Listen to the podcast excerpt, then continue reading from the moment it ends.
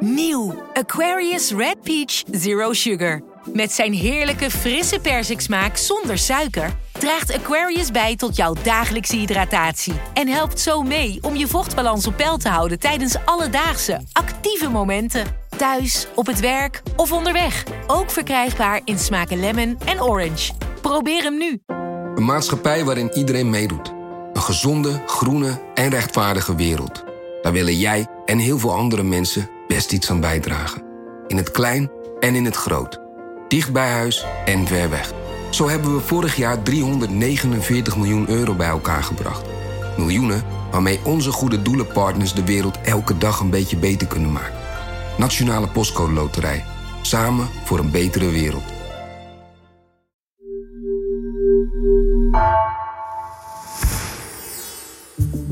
Vanaf de redactie van NRC het verhaal van dit jaar.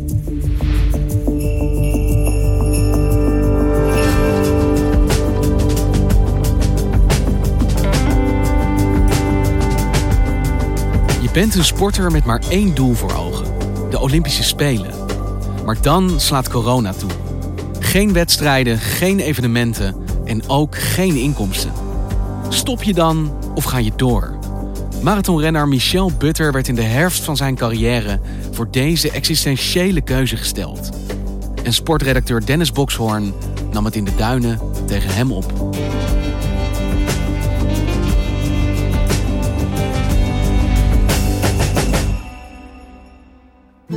Kijk, gaan we? Ja. Ik ben gaan hardlopen met eh, Michel Butter, de marathonloper. Ik kan aan de rechterkant van mijn huis kan je richting uh, Heemskerk, Wijkerzee. En aan de andere kant kan je richting Egmond, Bergen, Schorrel, waar het veel meer heuvelachtiger is. Talloze mogelijkheden. Ik kan, ja, als wij een rondje lopen, lopen we geen één keer op hetzelfde pad. Ja, we begonnen in Castricum, voor bij, eh, bij hem thuis. Half tien ochtends, mistig. Ik denk een graad boven nul ongeveer. Het was koud. Ik had vier lagen hardloopkleding aan. En eh, we gingen lopen vanaf zijn huis zo de duinen in. Wat grappig is, zeg maar, ik doe echt nog nooit een route gedaan. Echt nog nooit. Ik loop gewoon, zeg maar, kriskras ja. door de duinen heen. Dus eh, hij nam me mee eh, op sleeptouw. Jij volgde hem door de mist. Ja, precies. En in mijn tempo, denk ik. Hij had natuurlijk veel harder gekund. We liepen eh, ja, 13 km per uur ongeveer. Dat is voor hem echt een eitje. En voor mij was het alle zeilen bijzetten, zeg maar. Ik zal meteen maar eventjes toegeven, ik zit niet heel erg goed in de sport. En ook het marathonlopen is niet per se uh, mijn expertise. Is dit een bekende marathonloper? Is dit een grootheid? Ja, voor Nederlandse begrippen zeker. Hij heeft de afgelopen 15 jaar de lange afstanden in Nederland gedomineerd. Michel Butter is ontketend. Hij zal hier Nederlands kampioen worden. 35-jarige Noord-Hollander, geboren in Beverwijk. Hij woont in Castricum. Um, ja, tenger mannetje. 60 kilo, 1,76 meter lang. Ja, ja, dat zijn al gauw uh, vier zakken aardappelen minder dan ik. Want ik ben 82 kilo. Dus uh, um, ja, gewoon echt een ideale, uh, ideale bouw voor een marathonloper, zeg maar. En dan, daar kort achter, is Michel Butter bezig aan een geweldige race. Dus van 5 kilometer tot marathon, dat was aan hem besteed. 14 uh, nationale titels. En Butter viert zijn feestje. Na 29 minuten en 9 seconden is hij de nieuwe Nederlands kampioen. Hij heeft ooit 2.9.58 op de marathon gelopen. Michel Butter is bezig aan een indrukwekkende marathon. Slechts twee Nederlanders uh, wisten ooit onder de 2 uur 10 te duiken. Ik dacht, ik ga gewoon alles geven. En toen hoorde ik op een gegeven moment, je gaat onder de 2.10. En lukt het weer. En dat is gewoon gaaf. 2 uur 9 minuten 58 seconden. Ja, dat was, hij was de vierde Nederlander die dat lukte. Dus dat, dat zegt al genoeg hè, in die historie. En jij dacht, dit is wel iemand om eens een wedstrijdje door de duinen mee te rennen. Ja, nou ja, gelukkig ging het in mijn tempo. Maar even goed was ik, ik wilde hem natuurlijk ook niet laten kennen. Dus na 6 kilometer begon ik het ook wel echt al te voelen. Hoe gaat het? Ja, uh, ik heb het lekker zwaar. Hij krijgt het wel warm, hè? Ja. Zie je? handschoentjes, handschoentjes gedaan? Ja, ik zag je al, ik zag het. en jij, maar, jij maar bang zijn dat je te fris zou hebben. Leuk, hè? Ja. Leedvermaak is dat. Nou ja. Dat was, uh, het was afzien. Het was afzien ja. En na afloop zijn we aan de keukentafel gaan zitten. En uh, En hebben we het hele jaar doorgenomen, het, het coronajaar, het sportjaar 2020. Zullen we beginnen, beginnen bij, bij januari, toen je, toen je nog in volle voorbereiding was op, op Tokio. Toen we allemaal nog dachten dat we naar de Spelen zouden gaan kijken in augustus. En jij dan... Want waarom wilde jij het met hem daarover hebben? Ja, nou, Michel Butter dacht in januari van dit jaar nog dat hij uh, zijn marathondebuut op de Olympische Spelen zou gaan maken. De kroon op elke sportcarrière. Precies. Uh, dat heeft hij al vaker geprobeerd. Uh, Londen 2012, Rio 2016. Lukte steeds net niet. Dit jaar zou het dan eindelijk gaan lukken. Zijn eerste Olympische Spelen in Tokio. Zou zijn debuut gaan maken. Uh, en toen kwam corona en toen ging het hele feest niet door. Ja, dat kwam wel binnen. Want ja, ja, ja, je weet gewoon, dit was mijn laatste kans. En, en nu, en nu. Hey, en hoe begon dit jaar voor hem? Zoals elk jaar eigenlijk. Hij, uh, hij traint elk jaar in Kenia, in Kaptagat. Dat is een plaatsje in de middle of nowhere in het westen van Kenia. December, januari gaat hij daarheen. En dan gaat hij trainen tussen de beste atleten ter wereld op hoogte. 2600 meter hoogte, daar is de lucht ijl. Daar, kan je, ja, daar word je sterk van. En dan gaat je lichaam extra rode bloedcellen aanmaken. Ja, ik bedoel, ik train gewoon met de absolute wereld op. Ja, ook wel een, een beetje een, een, kinderwens en een droom. En in, van, ja, als, je, als je tafeltennis bent, ja, dan moet je een keer naar China. En als je rugby doet, dan moet je eigenlijk naar Nieuw-Zeeland. Ja, en ik ging naar Kenia. Want het zijn de perfecte natuurlijke omstandigheden, maar ook menselijk. Daar kun je optrekken aan de beste ter wereld. Ja, er gebeur, je hebt daar geen afleiding. Dus je moet je voorstellen, het is een trainingskamp in the middle of nowhere. Alleen maar stoffige wegen, hutjes. Je slaapt op een houten bed. Ja, dat, dat, dat, ik denk dat dat niet voor iedereen is weggelegd, maar voor deze jongen wel. En hij zat er dus met dat doel voor ogen, zich kwalificeren voor de Olympische Spelen deze afgelopen zomer. Ja, ja dus hij voelde ook dat dat er nog in zat. Hè? Dus zijn lichaam was er klaar voor. Hij voelde gewoon dat het mogelijk moest zijn dit jaar. Dus uh, zijn hele leven was nog ingericht op die ene keer Tokio 2020. Want hoe werkt dat? Hoe kwalificeer je je als marathonloper voor de Olympische Spelen? je moet een bepaalde tijd zien te lopen. Dus uh, in dit geval is dat 2 uur 11 en 30 seconden. En dat, uh, dat kan niet in training. Dat kan niemand in training. Dat moet, dat moet in een wedstrijd gebeuren. Ja. Dan heb je concurrentie, dan heb je wedstrijdspanning, dan heb je mensen die voor je lopen. Uh, dan kun je jezelf overstijgen. Dat is de bedoeling. Ja, dus ik was in maart was ik in Kenia, in Kaptagat. En toen kwam ook wel een beetje al het nieuws uh, ik, van uh, er is een virus in, in de wereld. In Azië toen nog? Ja, ja, in Azië. En dat kwam wel richting Parijs. Er waren een paar en hoorde je twee, drie mensen die dan besmet waren. Dus eigenlijk had iedereen, inclusief uh, mezelf, zoiets van... ja joh, dat zal wel meevallen. Hij zou op 5 april in Rotterdam de limiet gaan proberen te lopen. 50.000 deelnemers aan de start, dus dat is profatleten en amateurs... Maar goed, uh, in maart kwam natuurlijk het uh, dat virus binnen. Allereerst, alle samenkomsten, dat zijn evenementen en bijeenkomsten, verbieden we tot 1 juni in plaats van tot 1 april. We hanteren dus nu geen grens meer van het aantal personen. Betekent dat alle samenkomsten, bijeenkomsten en evenementen worden verboden. En dat is tot 1 juni van dit jaar. Die persconferentie die was op, op een dinsdag, zoals die nu altijd is geweest. En dat er werd verteld, jongens, geen evenement weer. En toen zakte wel eventjes uh, de grond onder mijn voeten vandaan. Dus half maart werd duidelijk dat de Rotterdam Marathon niet doorging. En toen die wedstrijd die doorging, verviel dus ook zijn laatste kans op Olympische deelname. Maar een dag na uh, het aflasten van de Rotterdam Marathon en de teleurstelling van het wegvallen van die laatste kans werd ook duidelijk dat de hele Olympische Spelen niet door zouden gaan. Het Internationaal Olympisch Comité maakte dit bekend na overleg met de Japanse premier. And he says that these will now, these summer games will be held by summer 2021. Toen de marathon van Rotterdam werd afgelast, dacht atleet Michel Butter dat hij de Olympische Spelen van Tokio kon vergeten. Maar nu de Spelen een jaar zijn uitgesteld, komt Tokio weer in het vizier. Dus toen maakte teleurstelling plaats voor opluchting. Omdat de Olympische Spelen werden verplaatst naar 2021. En hij dus twee extra kansen ging krijgen om zich toch te plaatsen voor Tokio. En uh, ja, toen was er, uh, was er opluchting. Toen dacht ik, oké, ik heb weer kansen. Dus hij heeft die nieuwe stip op de horizon, de Olympische Spelen. En ja, daar moet hij zich dus eigenlijk opnieuw voor plaatsen. Hoe doet hij dat? Je gaat uh, met je trainer om tafel, je gaat bedenken hoe je dat gaat aanpakken.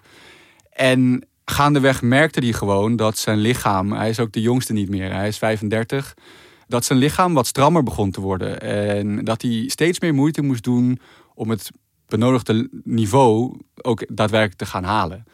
Want een atleet heeft wedstrijden nodig om, ja, om, om topfit te, te worden. Je kunt nooit de intensiteit van een wedstrijd nabootsen in training. Maar die wedstrijden waren er niet. Dus hij kon zich eigenlijk niet testen. Omdat niet alleen Rotterdam en de Olympische Spelen waren afgelast, maar eigenlijk alle marathons ter wereld? Er was niks. Er was geen marathon, er was geen korte afstand, geen lange afstand. Er waren geen wedstrijden meer in die periode. En hij begon vermoeid te raken en, uh, en, en de focus te verliezen op dat doel dat eigenlijk verder weg dan ooit leek. En ja, op een gegeven moment is hij met zijn trainer om tafel gaan zitten. En hebben ze elkaar op de man afgevraagd: Yo, um, Michel, is dit nog wel haalbaar? Kan jij dit nog? Kan jij nog één keer jezelf zo uit elkaar trekken en 2.11.30 lopen? Zit dat nog in je lijf?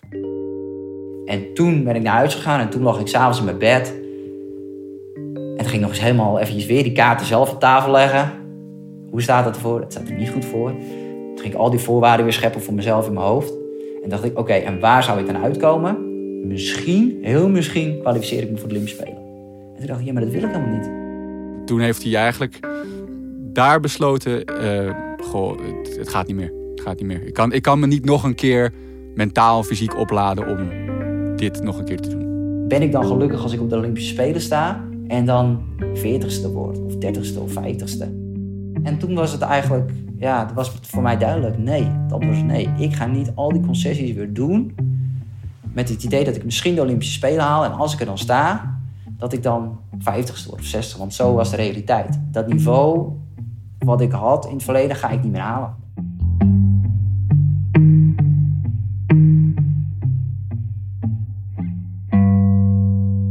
ik denk dat voor hem en ook voor heel veel andere sporters die periode uh, ook een moment van reflectie is geweest. Hè? Uh, als alles ineens wegvalt, als je, je doel wegvalt, je droom, je dagelijkse bezigheid, dan voel je ineens hoe kwetsbaar je bent als sporter. Uh, je broodwinning is, is, is ja, je, je, je inkomstenbron droogt op. En je zegt dus het is niet alleen een mentale en fysieke overweging, maar ook een financiële.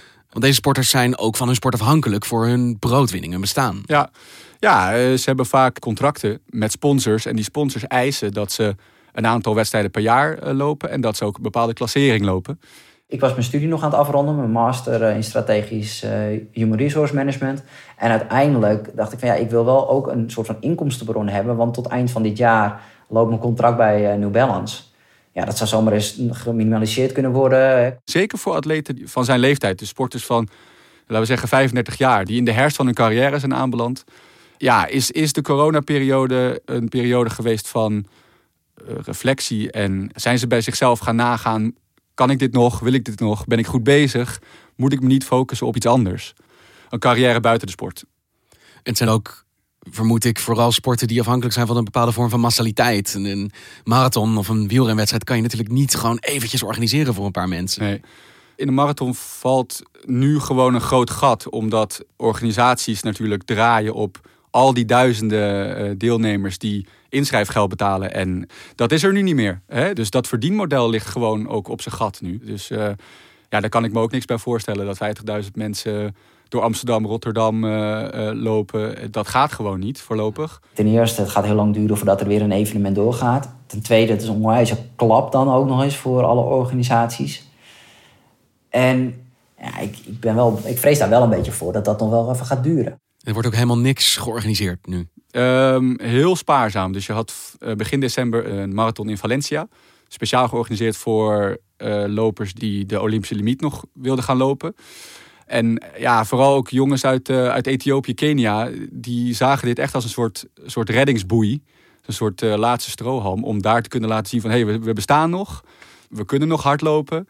En, um, want verder waren er geen wedstrijden. Zo'n Valencia Marathon, hartstikke mooi, allemaal heel gaaf. Alleen, uh, ja, die wedstrijd is natuurlijk wel eigenlijk... Het is zo van, nou ja, we, we, we helpen de atleten. Ja, ik denk dat er niet veel geld is verdiend voor, voor de jongens. En dat ze ja, blij mogen zijn dat ze ergens aan mee konden doen. Maar dat is natuurlijk niet een gezonde situatie. Het is niet alleen even slikken voor zijn eigen toekomst, maar ook van die van vele andere sporters. Hij gaat, hij gaat afscheid nemen van de atletieksport met het idee ja, wat laat ik achter? Een sport die nu op zijn gat ligt en voorlopig ook niet beter wordt.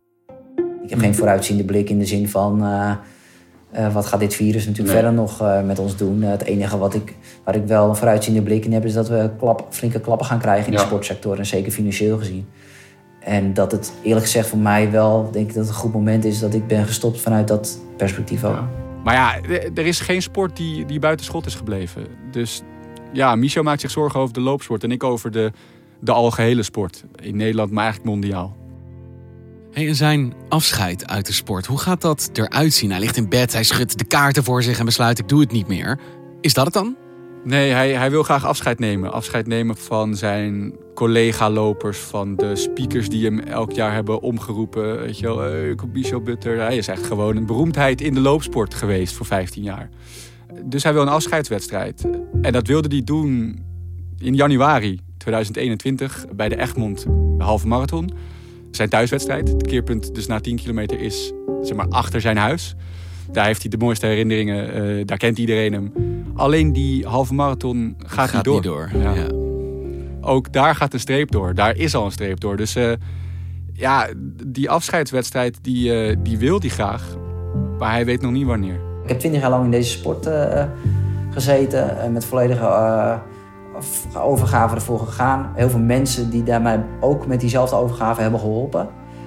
En dat wil ik echt gewoon samen met hun... eh, ik wil ze bedanken. En ik, en ik hoop dat we samen even afscheid kunnen nemen. En dat, ja, dat gaat nu even niet in de coronatijd waarbij niks doorgaat. Dus, maar ik wacht gewoon op dat evenement.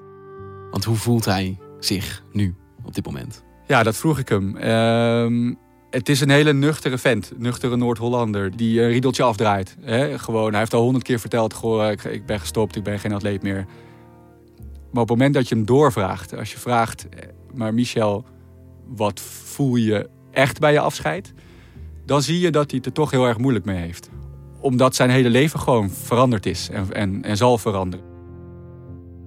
Je gaat stoppen, je bent 35, er komt een nieuw leven aan. Voel je, voel je daar wat bij? Nee, ik zal, heel, ik zal emotioneel zijn, ja. Ja? ik voel het nu ook, hoor. Ehm natuurlijk. En wat voel je dan? Ehm, ja, weet je, die mooie tijd, die ga je, dat was gewoon een mooie tijd. Eh, mooie herinneringen. Het is heel intensief. Het is, dat maakt het ook bijzonder, gewoon. Dat je zo intensief voor iets hebt geleefd. En dat, dat je weet dat je dat wel achterlaat. En dat het een mooie tijd was.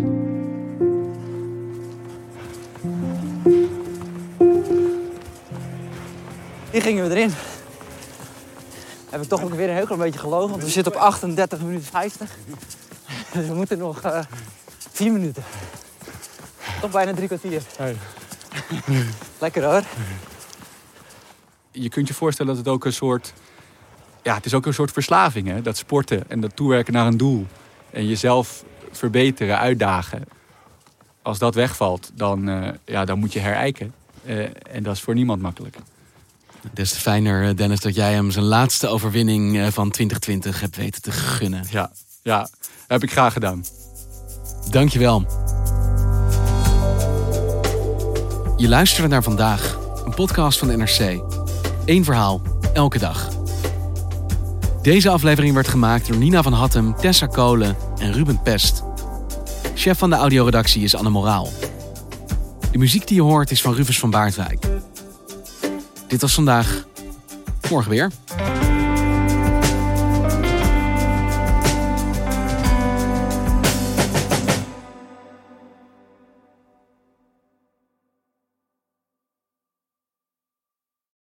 De financiële markten zijn veranderd, maar de toekomst, die staat vast. We zijn in transitie naar een klimaatneutrale economie. Dit biedt een van de grootste investeringskansen van onze generatie. Een kans voor u om mee te groeien met de pioniers van morgen. Meer weten? Ga naar carbonequity.com. Carbon Equity. Do good by investing better.